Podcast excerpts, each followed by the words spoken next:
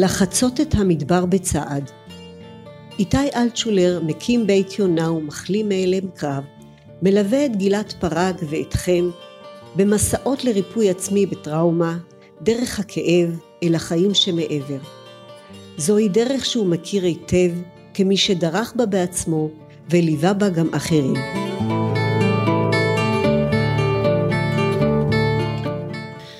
בפרק הקודם דיברנו על הרעש הרגשי ונגענו בפעם הראשונה בשקט. אני מדמיינת את רגע השקט כמו סערה ששכחה לרגע ובתוכה אני רואה. אותי? טראומה מנתקת אותנו מהחיבור לעצמנו, מייצרת בלבול וקושי לבחור. העצות של הסביבה רק מבלבלות יותר ומוסיפות לשטף האינפורמציה שבתוכה צריך לעשות בחירות. לפעמים הפשוטות ביותר. הפעם נלווה גבר אחד מסוים, בפגישה אחת עם עצמו ועם קולו הפנימי, ונדבר עם איתי אלטשולר על כוחו של קול הפנימי, איך לומדים להאמין לו, ואיך לומדים לבטוח בו גם כשהכל מסביב מורה אחרת. כן בשפת האהבה. כשבנות הזוג שלי שואלות אותי מה אתה מרגיש, אני תמיד מופתע מהשאלה. היא תמיד צצה לה ברגעים הכי בלתי צפויים. במיוחד אני מתקשה לתת להן תשובה שתספק אותן. בדרך כלל, גם התשובה שלי לא מספקת אף אותי. החלפתי לא מעט בנות זוג. לא כי אני כזה גבר מבוקש, אלא כי אני לא מצליח לשמר את הקשר לאורך זמן. המזל שלי, שתמיד יש מישהי שמוכנה לתת לי צ'אנס.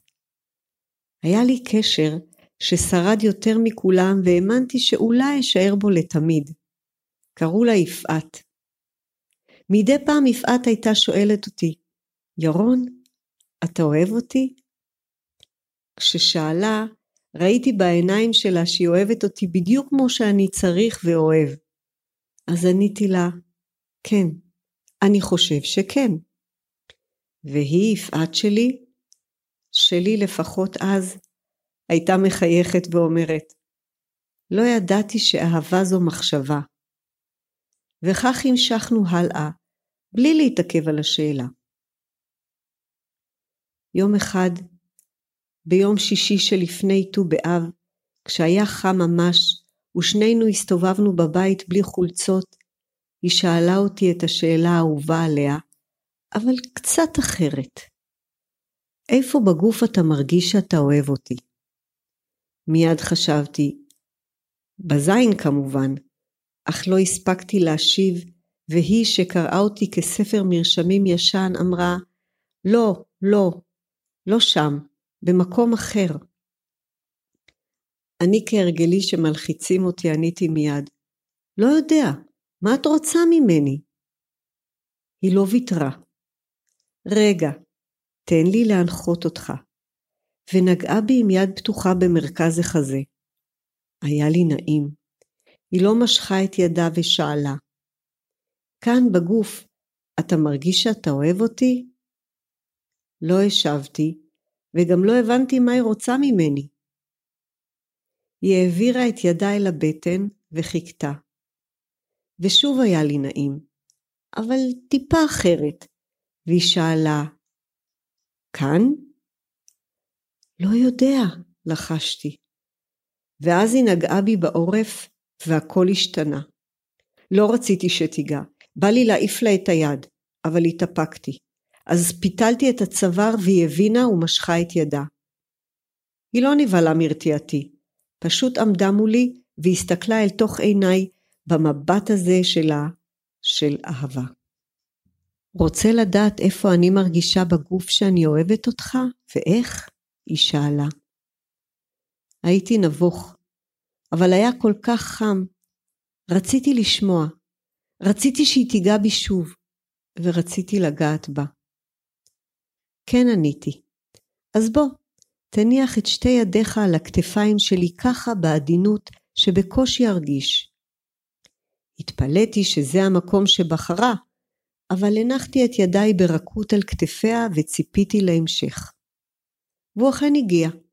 כשאתה מניח את ידיך ככה במקום הזה, אני מרגישה שכל הגוף שלי לאט לאט מתרחב ומתרכך, כאילו אומר כן בשפת האהבה.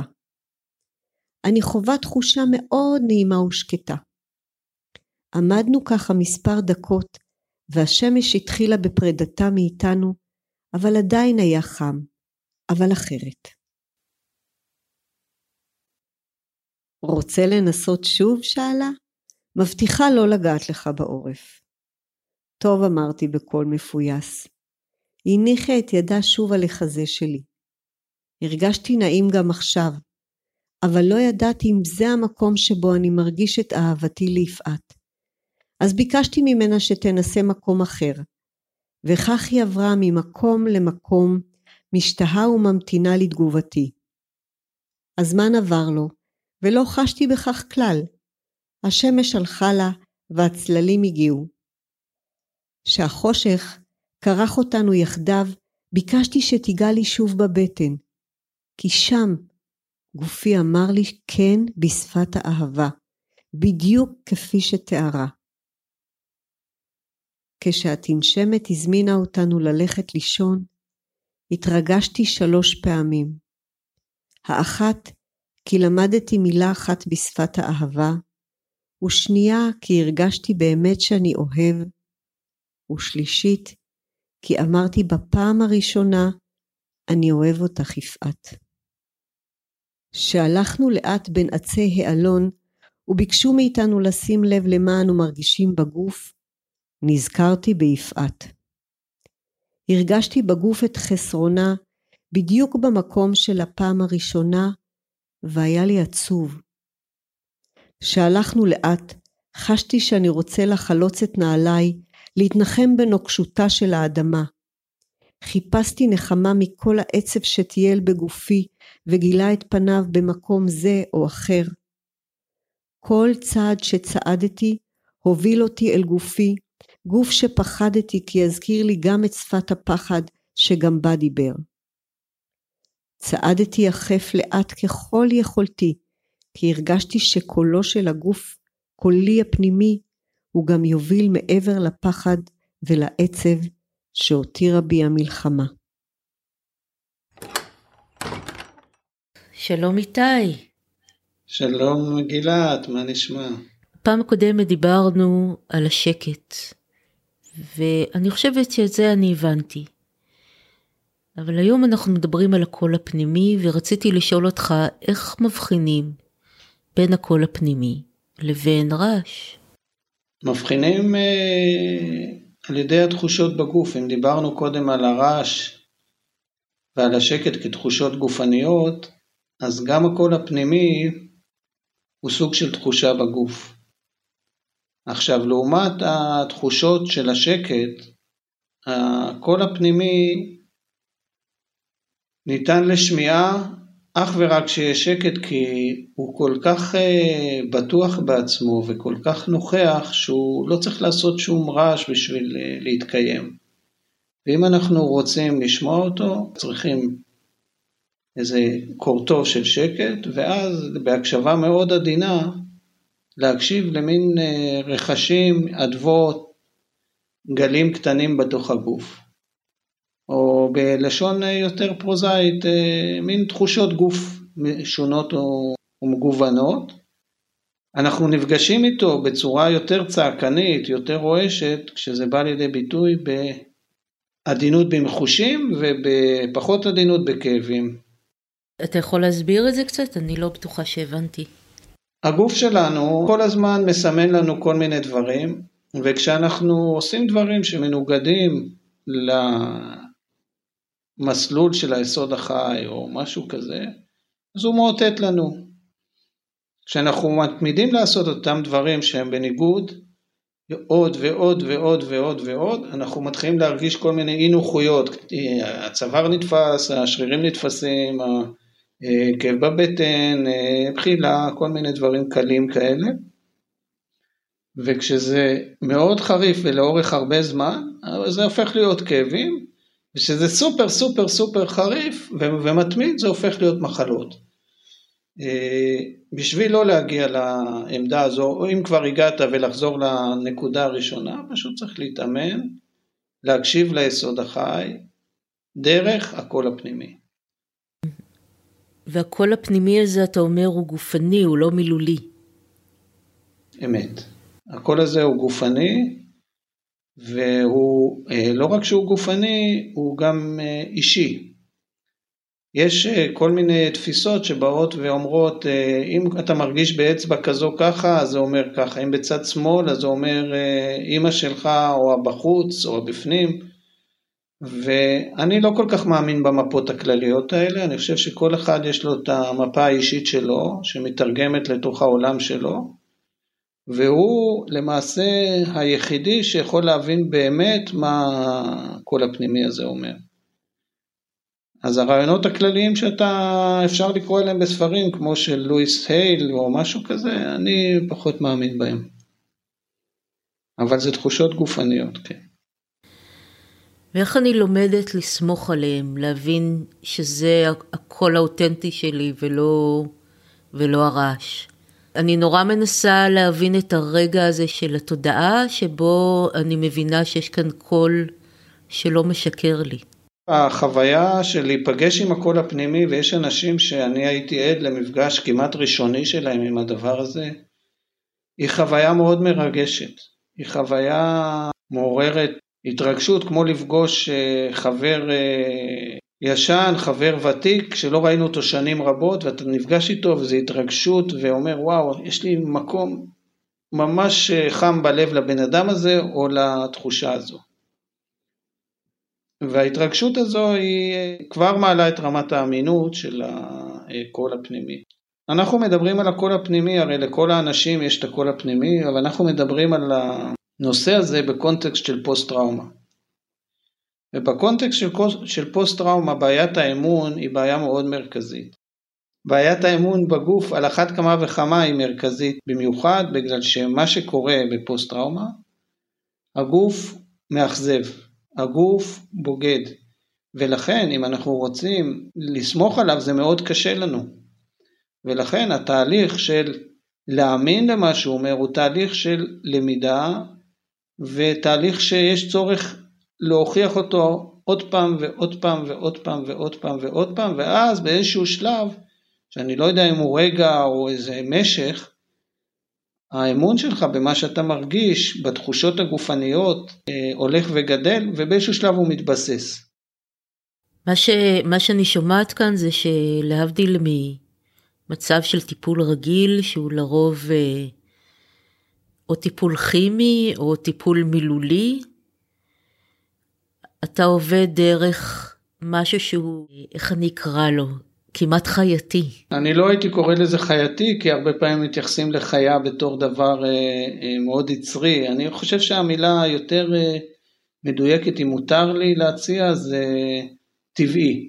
להשתמש באלמנטים טבעיים, ולכן גם המקום שאני עושה את זה, שזה בטבע, הוא מאוד מעצים את היכולת לשים לב לתחושות האלה, כי הוא נמצא במין סוג של רזוננס, הדהוד עם הטבע מסביב, ואז הקול הזה מועצם. כשעושים את אותה חוויה בתוך אה, חדר, דורש יותר מאמץ להגיע אליה, בטבע זה יותר קל. אבל רציתי לתקן עוד משהו, אני חושב שיש אה, שיטות טיפול שכן עובדות בקליניקה, אה, ואני מכיר כמה מהן שהן מאוד מוצלחות, שכן עובדות עם התחושות גוף האלה, אפשר להתייחס ל-SE, פוקוסינג, NLP ועוד כמה שיטות כאלה, גם EMDR. הרבה שיטות היום מבינות שלהתייחס לגוף בתור משהו מודר ויש את הנפש והגוף הוא לא רלוונטי, זה פסה. מה שאני עושה, אני עושה את זה תוך כדי פעולה, אני עושה את זה תוך כדי, בסביבה אחרת, והרבה פעמים נשתמש בכלים מאוד דומים לטכניקות האלה שהזכרתי, ואני מכניס את זה לקונטקסט יותר רחב מטכניקה. אז, אז בוא תסביר קצת באמת איך עושים את זה. מה, מה התהליך שעושים אצלך כדי להגיע למקום הזה של השמיעה, של הקול הפנימי. אז דיברנו בפעם שעברה על הכמיהה לשקט, ואני חושב שבסיפור של רונית דיברנו על, אה, על תרגיל האיטיות, ועם רונית הלכנו לכיוון מסוים של תחושות, אני חושב שעם ירון יש לנו תחושות אחרות, איפה אני מרגיש את הדברים בגוף, איך אני יודע מה הגוף אומר לי. אה, אה, ומה שאנחנו עושים עם אותו תרגיל איטיות פשוט, אנחנו מנסים לשים לב מה אני מרגיש בגוף ואיפה אני מרגיש בגוף שיש משב של רוח, או שאני דורך על, אה, על חצץ, או שאני דורך על אדמה. אני מתחיל לשים לב לתחושות שעולות לי מהגוף. אני מתחיל להיות קשוב ל-level שלא הייתי בהכרח קשוב אליו קודם, או לא הייתי קשוב אליו בצורה אה, רציפה. ואחר כך אנחנו לוקחים את אותה התנסות שהיא התנסות חושית, אה, פיזית, ומתחילים לשאול כל מיני שאלות שהן בעלות תוכן, ולשאול מה אני מרגיש בגוף לגבי השאלות בעלות התוכן, כמו אה, למשל שאלה שהיא עדיין גבולית, מתי אני צריך ללכת לישון? שאלה שרוב האנשים לא שואלים את עצמם, אומרים אנחנו עייפים, אנחנו הולכים לישון, אנחנו, יש עוד תוכנית בטלוויזיה, בואו נשאר עוד קצת. והשאלה של הגוף, לשאול את הגוף מתי אני צריך ללכת לישון, שאלה אלמנטרית, יכולה להיות מאוד מפתיעה מבחינת התשובות של הגוף.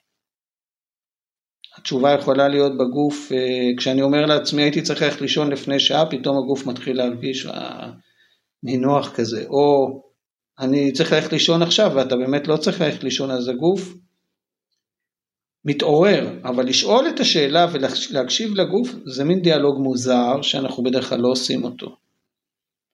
אה, וזה מין אמצעי של תרגול של ההקשבה לגוף במרחב היומיומי. עכשיו, אם אתה עושה את זה עם, עם הליכה לישון, ועם פגישה, ועם משימה כזו או אחרת, או מה אתה הולך להגיד, או מה אני מרגיש בגוף שאמרו לי ככה וככה, פתאום אתה מתחיל לראות מפה מאוד עשירה ומורכבת של הגוף ושל התשובות שלו בדרך הזו. גם איך אני יודעת אם מה שאני חווה אותו הוא נכון או לא נכון כשכל העולם נגיד אומר לי שזה נורמלי ללכת לישון ב-11 ואני הגוף שלי... הולך לישון בשמונה כמוני. מה? הולך לישון בשמונה כמוני. כן, כן, כאילו מה... האם אתה חושב שאתה לא נורמלי? לא, אתה בטח לא חושב את זה, אבל איפה המקום שבו... אני בטוח חושב שאני לא נורמלי וטוב לי עם זה. כן. אבל אתה, אתה יודע שרוב האנשים, ואני בטוחה שבמקום של הפוסט-טראומה, אחד הדברים שקורים זה מקום שבו אתה חווה חוסר אמון בעצמך.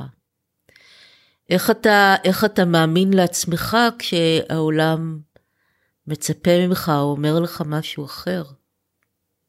טוב, זה מה שצריך ללמוד, זה חלק מתהליך ההבראה, אתה בונה את זה על דברים קטנים ושוליים, והולך ומרחיב את זה למקומות שמתאים לך להרחיב את זה, עד שאתה בא ואומר, אוקיי, העולם אומר ככה, אני אומר אחרת, ובמה שנוגע לעצמי, אני נוהג אחרת. אבל כשזה בא לידי דיאלוג עם אנשים אחרים משמעותיים, כמו ילדים, בת זוג או בן זוג, אה, עבודה, אני צריך לדעת היטב את הגבולות שלי ואת הצרכים שלי, ועליהם אני צריך לעמוד. הגוף עוזר לי להגדיר אותם, ואז בדיאלוג עם העולם, אני מתאמן בלעמוד על הצרכים שלי ועל הגבולות שלי, ובאופן מאוד מאוד מפתיע, או לכאורה מפתיע, העולם אה, בדרך כלל מתיישר אם ברגע שאתה אומר את הדברים בצורה ברורה אה, ושהיא לא פתוחה למשא ומתן. הבעיה של אנשים בפוסט טראומה, ויש שתי גרסאות, או כאלה שהם אה, פוחדים להגיד את הצרכים שלהם ולעמוד עליהם, או שיש כאלה שהם הצד השני שהם עומדים על הצרכים שלהם בתוקפנות יתר וגם גורמת, גורמים להתנגשות. אבל קודם כל יש את הקטע של להכיר את הדברים שלך, של הגוף שלך, בלי קשר לעולם. קודם תכיר אותם, רוב האנשים לא מגיעים לשלב הזה של ההיכרות. או אם הם מכירים, הם צ'יק צ'אק ברגע שבא קונפליקט עם משהו אחר, הם מוחקים את זה. וזה חלק מהסימפטומים של הפוסט טראומה. הם מגיבים בהתנהגות הישרדותית במקום שאין צורך להיות הישרדותיים. אני יכולה לדמיין איך אה, מנהלים שיחה של מילים. אני אשמח אם תספר איך אה, מתרגלים דיאלוג עם הגוף. כפי שציינתי קודם, האפשרות המוצלחת בעיניי ללמוד את הדיאלוג עם הגוף הוא בסביבה טבעית. ובסביבה טבעית זה לא רק שיש סביבך טבע, אלא שאתה גם עובד עם הטבע. אחד הדברים שאני אה, נוהג לעשות זה לעבוד בכל מיני צורות עם אבנים, אבל לא אבנים מיוחדות כמו קריסטלים או קוורצים, אלא אבנים שאתה אוסף בשטח, ובית יונה נמצא במקום הררי שיש בו הרבה אבנים, וחלק מהתרגילים זה פשוט לאסוף אבנים עם הנחיות שונות, והיכולת לאסוף את האבנים המתאימות קשור להקשבה לגוף. זאת אומרת, למשל תרגיל קטן אומר, אוקיי, תאסוף אבן שקוראת לך. עכשיו, מה זה אבן שקוראת לך? כל האבנים נמצאות. זה לא תחושה, איך אתה יודע שאבן קוראת לך? וזה נשמע מיסטי כזה, נשמע שנטי של מחבקי עצים וכך הלאה, שזה לא דבר רק של עצמו, אבל אה, זה לא לגמרי ברמה הזו. ואז אני אומר להם, אוקיי, אתם עשיתם בהליכה איטית, אתם יודעים, התחלתם להרגיש את הגוף, בואו תנסו להרגיש בגוף את הקריאה של האבן. ואנשים מסתובבים בשטח ומביאים אבנים, חלק אבנים עם אנרגיה גבוהה מאוד וחלק עם אבנים עם, עם אנרגיה מאוד מאוד נמוכה או נטולת אנרגיה. וזה מאוד... מה זאת אומרת אבנים עם אנרגיה? ל, ל, כמו לכל דבר בעולם יש לו אנרגיה שהוא מקרין אותה כלפי חוץ, כל דבר. לא צריך להיות אנרגיה, אה, איך קוראים לזה? וזה משהו שאנחנו כולנו יכולים לחוות אותו? כן, כן.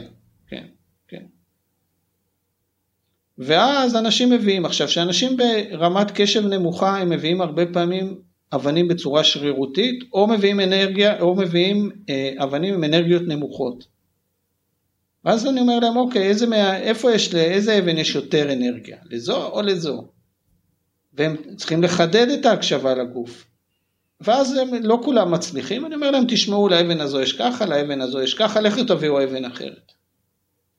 אבל הם הבינו שהם צריכים להקשיב יותר, שהם לא יכולים אה, ככה by the way על הדרך אה, אה, אה, לבחור אבן, וברוב המקרים אנשים מביאים אבנים עם אנרגיות משמעותיות. עכשיו, הדבר הזה לא ניתן לאישוש, אתה יכול להגיד זה ככה, זה ככה, זה יחסי, זה, זה אני ממציא, אוקיי, זה לגיטימי להגיד את הדברים האלה.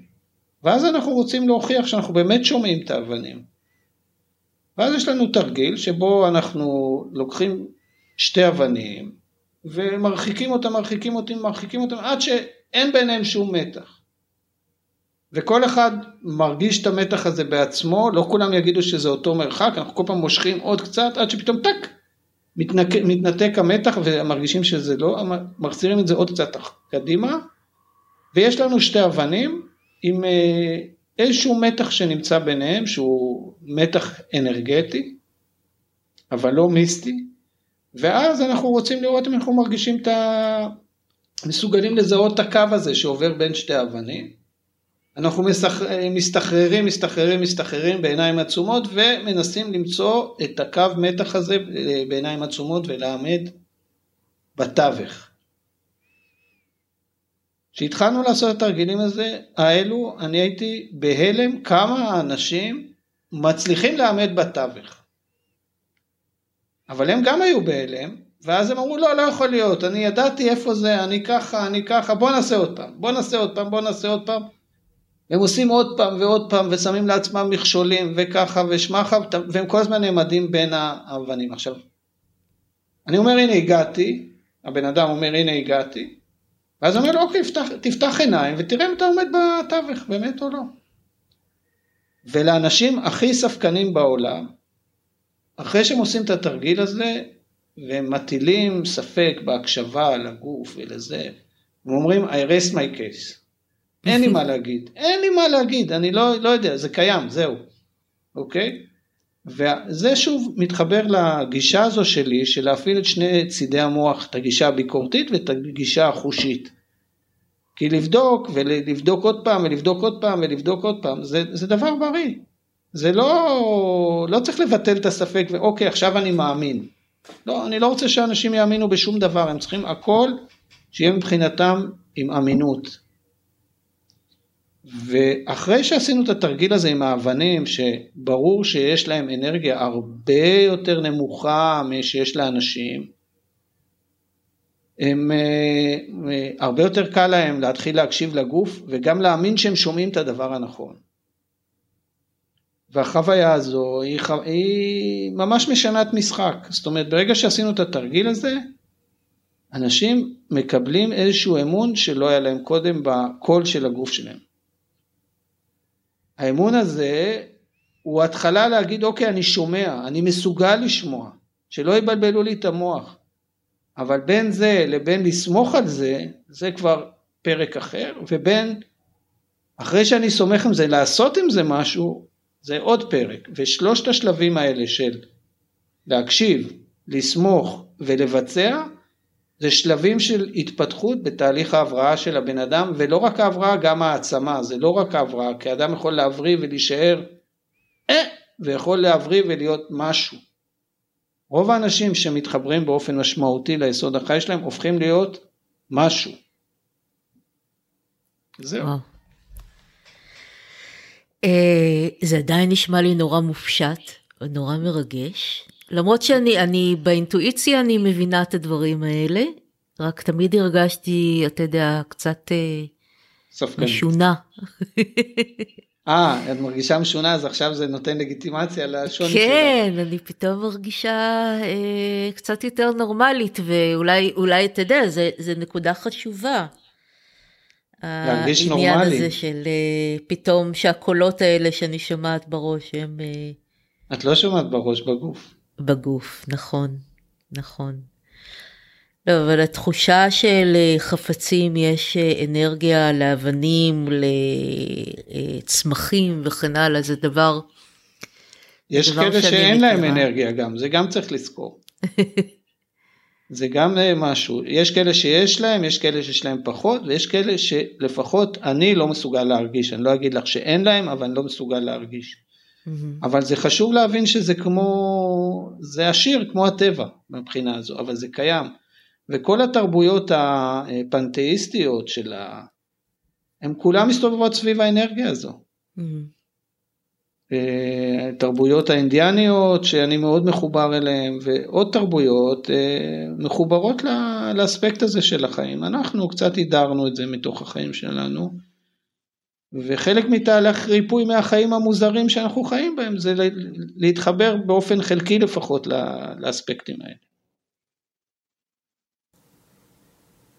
רק רציתי להתייחס לנקודה אחת שאת אה, הזכרת כמה פעמים לגבי הרגשת הנורמליות.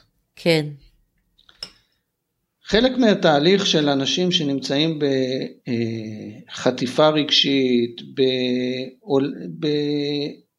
בתופעות, בדיסוציאציה מעצמם, או בכל מיני תופעות שהן אה, אופייניות לפוסט טראומה, מרגישים שהם אה, מתרחקים מהנורמליות, הם מרגישים שהם מתרחקים מהאחיזה אה, במציאות הרגילה. ובכל אה, תהליכי העבודה על פוסט טראומה, לא משנה באיזה טכניקה, באיזה שיטה, יש שלב שקוראים לו שלב הנרמול.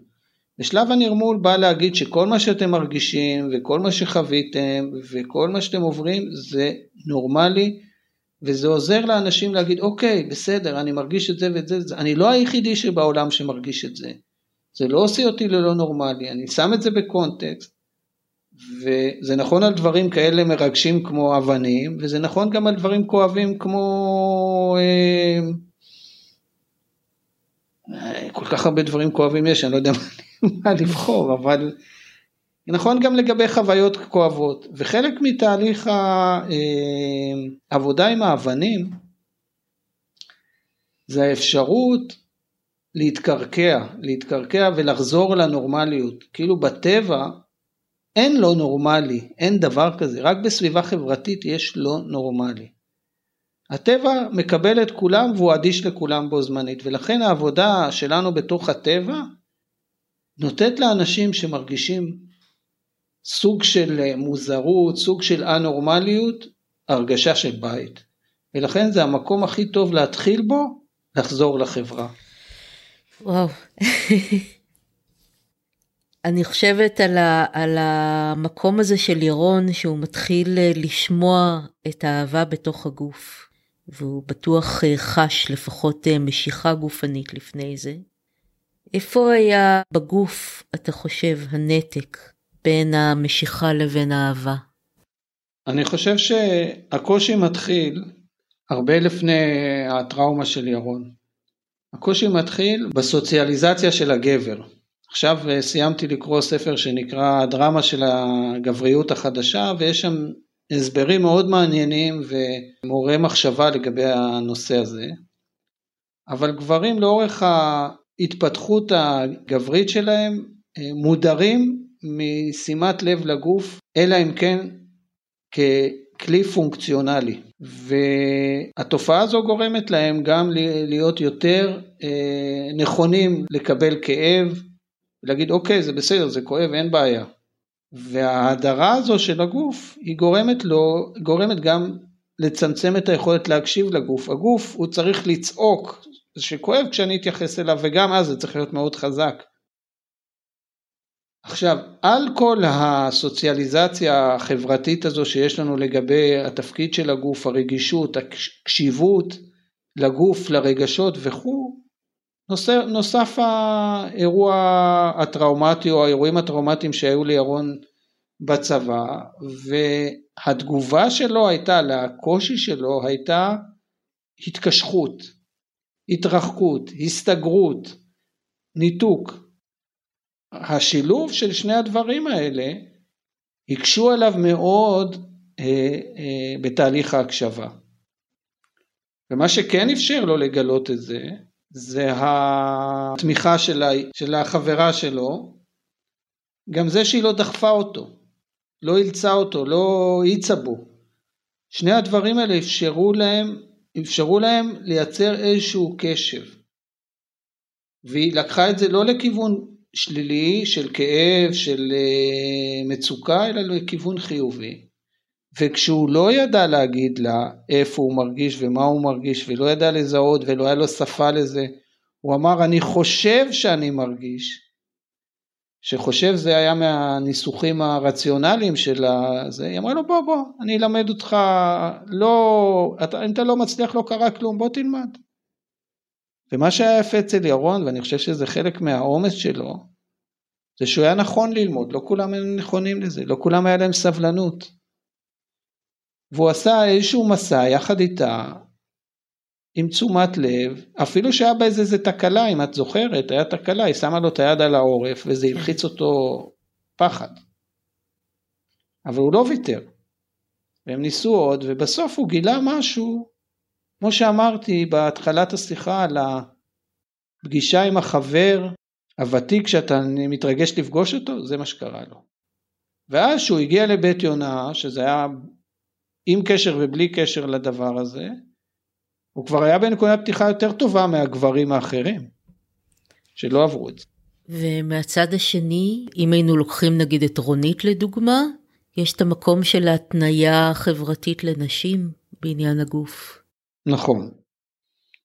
נשים יותר אה, אה, יודעות לדבר בשפה של אה, רגשות, יותר, יותר מוכוונות ל... לתשומת לב לגוף, זה לא אומר שהן יודעות יותר טוב להקשיב לגוף מהגברים. הן יודעות יותר להקשיב, אבל זה לא אומר שהן מסוגלות לסמוך עליו יותר מהגברים. אצל נשים הן יכולות לדעת מה הן מרגישות, אבל הפער שבין השלב של לסמוך על הרגשות האלה הוא, הוא מאוד מאוד אה, אה, מאתגר. אני חושבת שאולי בגלל שאם אתה מדבר שוב על התניות, אישה חווה מילדות את התחושה שהגוף הוא לא שלה בהכרח. ברגע שהגוף הוא אובייקט, אז אה, איפה נמצא הקול הפנימי? כאשר יש כל הזמן איזשהו קול חיצוני. כן, זה, זה מרכיב ש, של ההחפצה של הגוף ושהוא לא בבעלותה, זה מסבך לנשים מאוד את, ה, את הסוגיה הזו, ואם אנחנו מדברים שחלק לא נכבד, אבל משמעותי מהטראומות הנשיות מסתובבות סביב תקיפות מיניות, זה, זה על אחת כמה וכמה בעייתי, כי גם הפתרון נמצא בגוף וגם הטראומה נמצאת בגוף. אצל כולם היא נמצאת בגוף, אבל אצלהם זה חילול המרחב והאוטונומיה והריבונות הגופנית בממדים משמעותיים. איך לוקחים את זה מה... מבית יונה, איך אני לוקחת את זה אחר כך להמשך החיים שלי? מה שסוף התהליך בבית יונה של הלימוד של האספקט הזה, בא עם שיעורי בית. שיעורי בית במובן החיובי, לא במובן השלילי שקיבלנו בבית ספר. עכשיו הגיע הזמן האמיתי ללמוד את הדבר. עד עכשיו תרגלת, הכרת את הטכניקה, נפגשת עם זה, התרגשת, היית בסביבה מעודדת, תומכת, עכשיו החוכמה לראות איפה זה נמצא בתוך החיים. ואז כל אחד ואחד עושה לעצמו תוכנית עבודה שבה הוא מחליט איפה הוא רוצה לבחון את זה, כשההנחיה היא לעשות את זה מהקל ביותר אל הקשה ולא במקום הכי קשה. מה זאת אומרת? דוגמה? מה זאת אומרת? שבמקום שהמטרה שלנו לזכות למקסימום הצלחות, למקסימום חוויה, חוויות של הצלחה. אם אני אה, למשל אה, נמצא במרוצים, יהיה לי קשה מאוד לשים לגוף כשאני ברמת דריכות מאוד מאוד גבוהה ותפקודיות מאוד גבוהה. אבל אם אני שוטף אה, כלים ואני יכול לשטוף אותם בקצב שאני בוחר, אז זו נקודה קלה ונוחה להתחיל בה.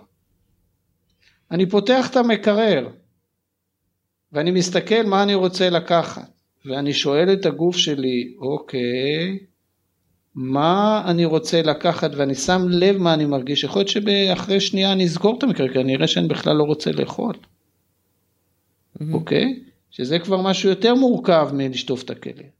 כל אחד ממפה לעצמו איפה הוא רוצה, בשיחה עם הילד, בשיחה עם האישה, בבוקר שאני קם לעבודה, בבוקר שאני מגיע לעבודה, בבוקר, בשעה שאני עוזב את העבודה, בשעה שאני לא מרגיש טוב, וככה הלאה והלאה. כל אלמנט כזה גורם לך לשכלול המיומנות הזו. כפי שאמרנו בכל הפעמים הקודמות, אנחנו בעד תרגול חוזר ונשנה של המיומנויות, כי מה שאנחנו רוכשים זה מיומנות. זה לא ידע ברמה זה אוקיי אני יודע, אלא אני רוכש מיומנות שאני אוכל להשתמש בה במגוון תחומים בחיים. רכשתי, בהתחלה זה קשה, ואחרי זמן אה, זה, זה מיידי וכמעט אוטומטי. זאת אומרת שאני כל הזמן נמצאת במודע, במקום שבו אני מודעת לזה שאני בבחירה? כן, אבל אני נרתע מהמילה כל הזמן. כל הזמן זה מאוד מאיים. Mm-hmm. כשאני, כשאני בוחר, אז אני יכול להימצא במקום הזה.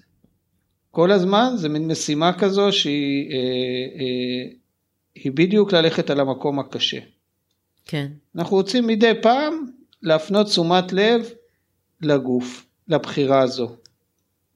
ומדי פעם הזה זה תואם לאחד העקרונות בשיטה, לנצח ברכות. שעליה נדבר, אולי על העיקרון הזה אולי נדבר בפעם אחרת. בסדר גמור. אז uh, אני חושבת שכדאי שנבחר לסיים להיום עם uh, עוד כמה שאלות פתוחות, אבל יש לנו עוד, uh, יש לנו עוד דרך. כן. אז אולי כן. חלק מהתשובות ייענו בהמשך. והמון תודה איתי. תודה גילת, היה מאלף. גם לי. Bye.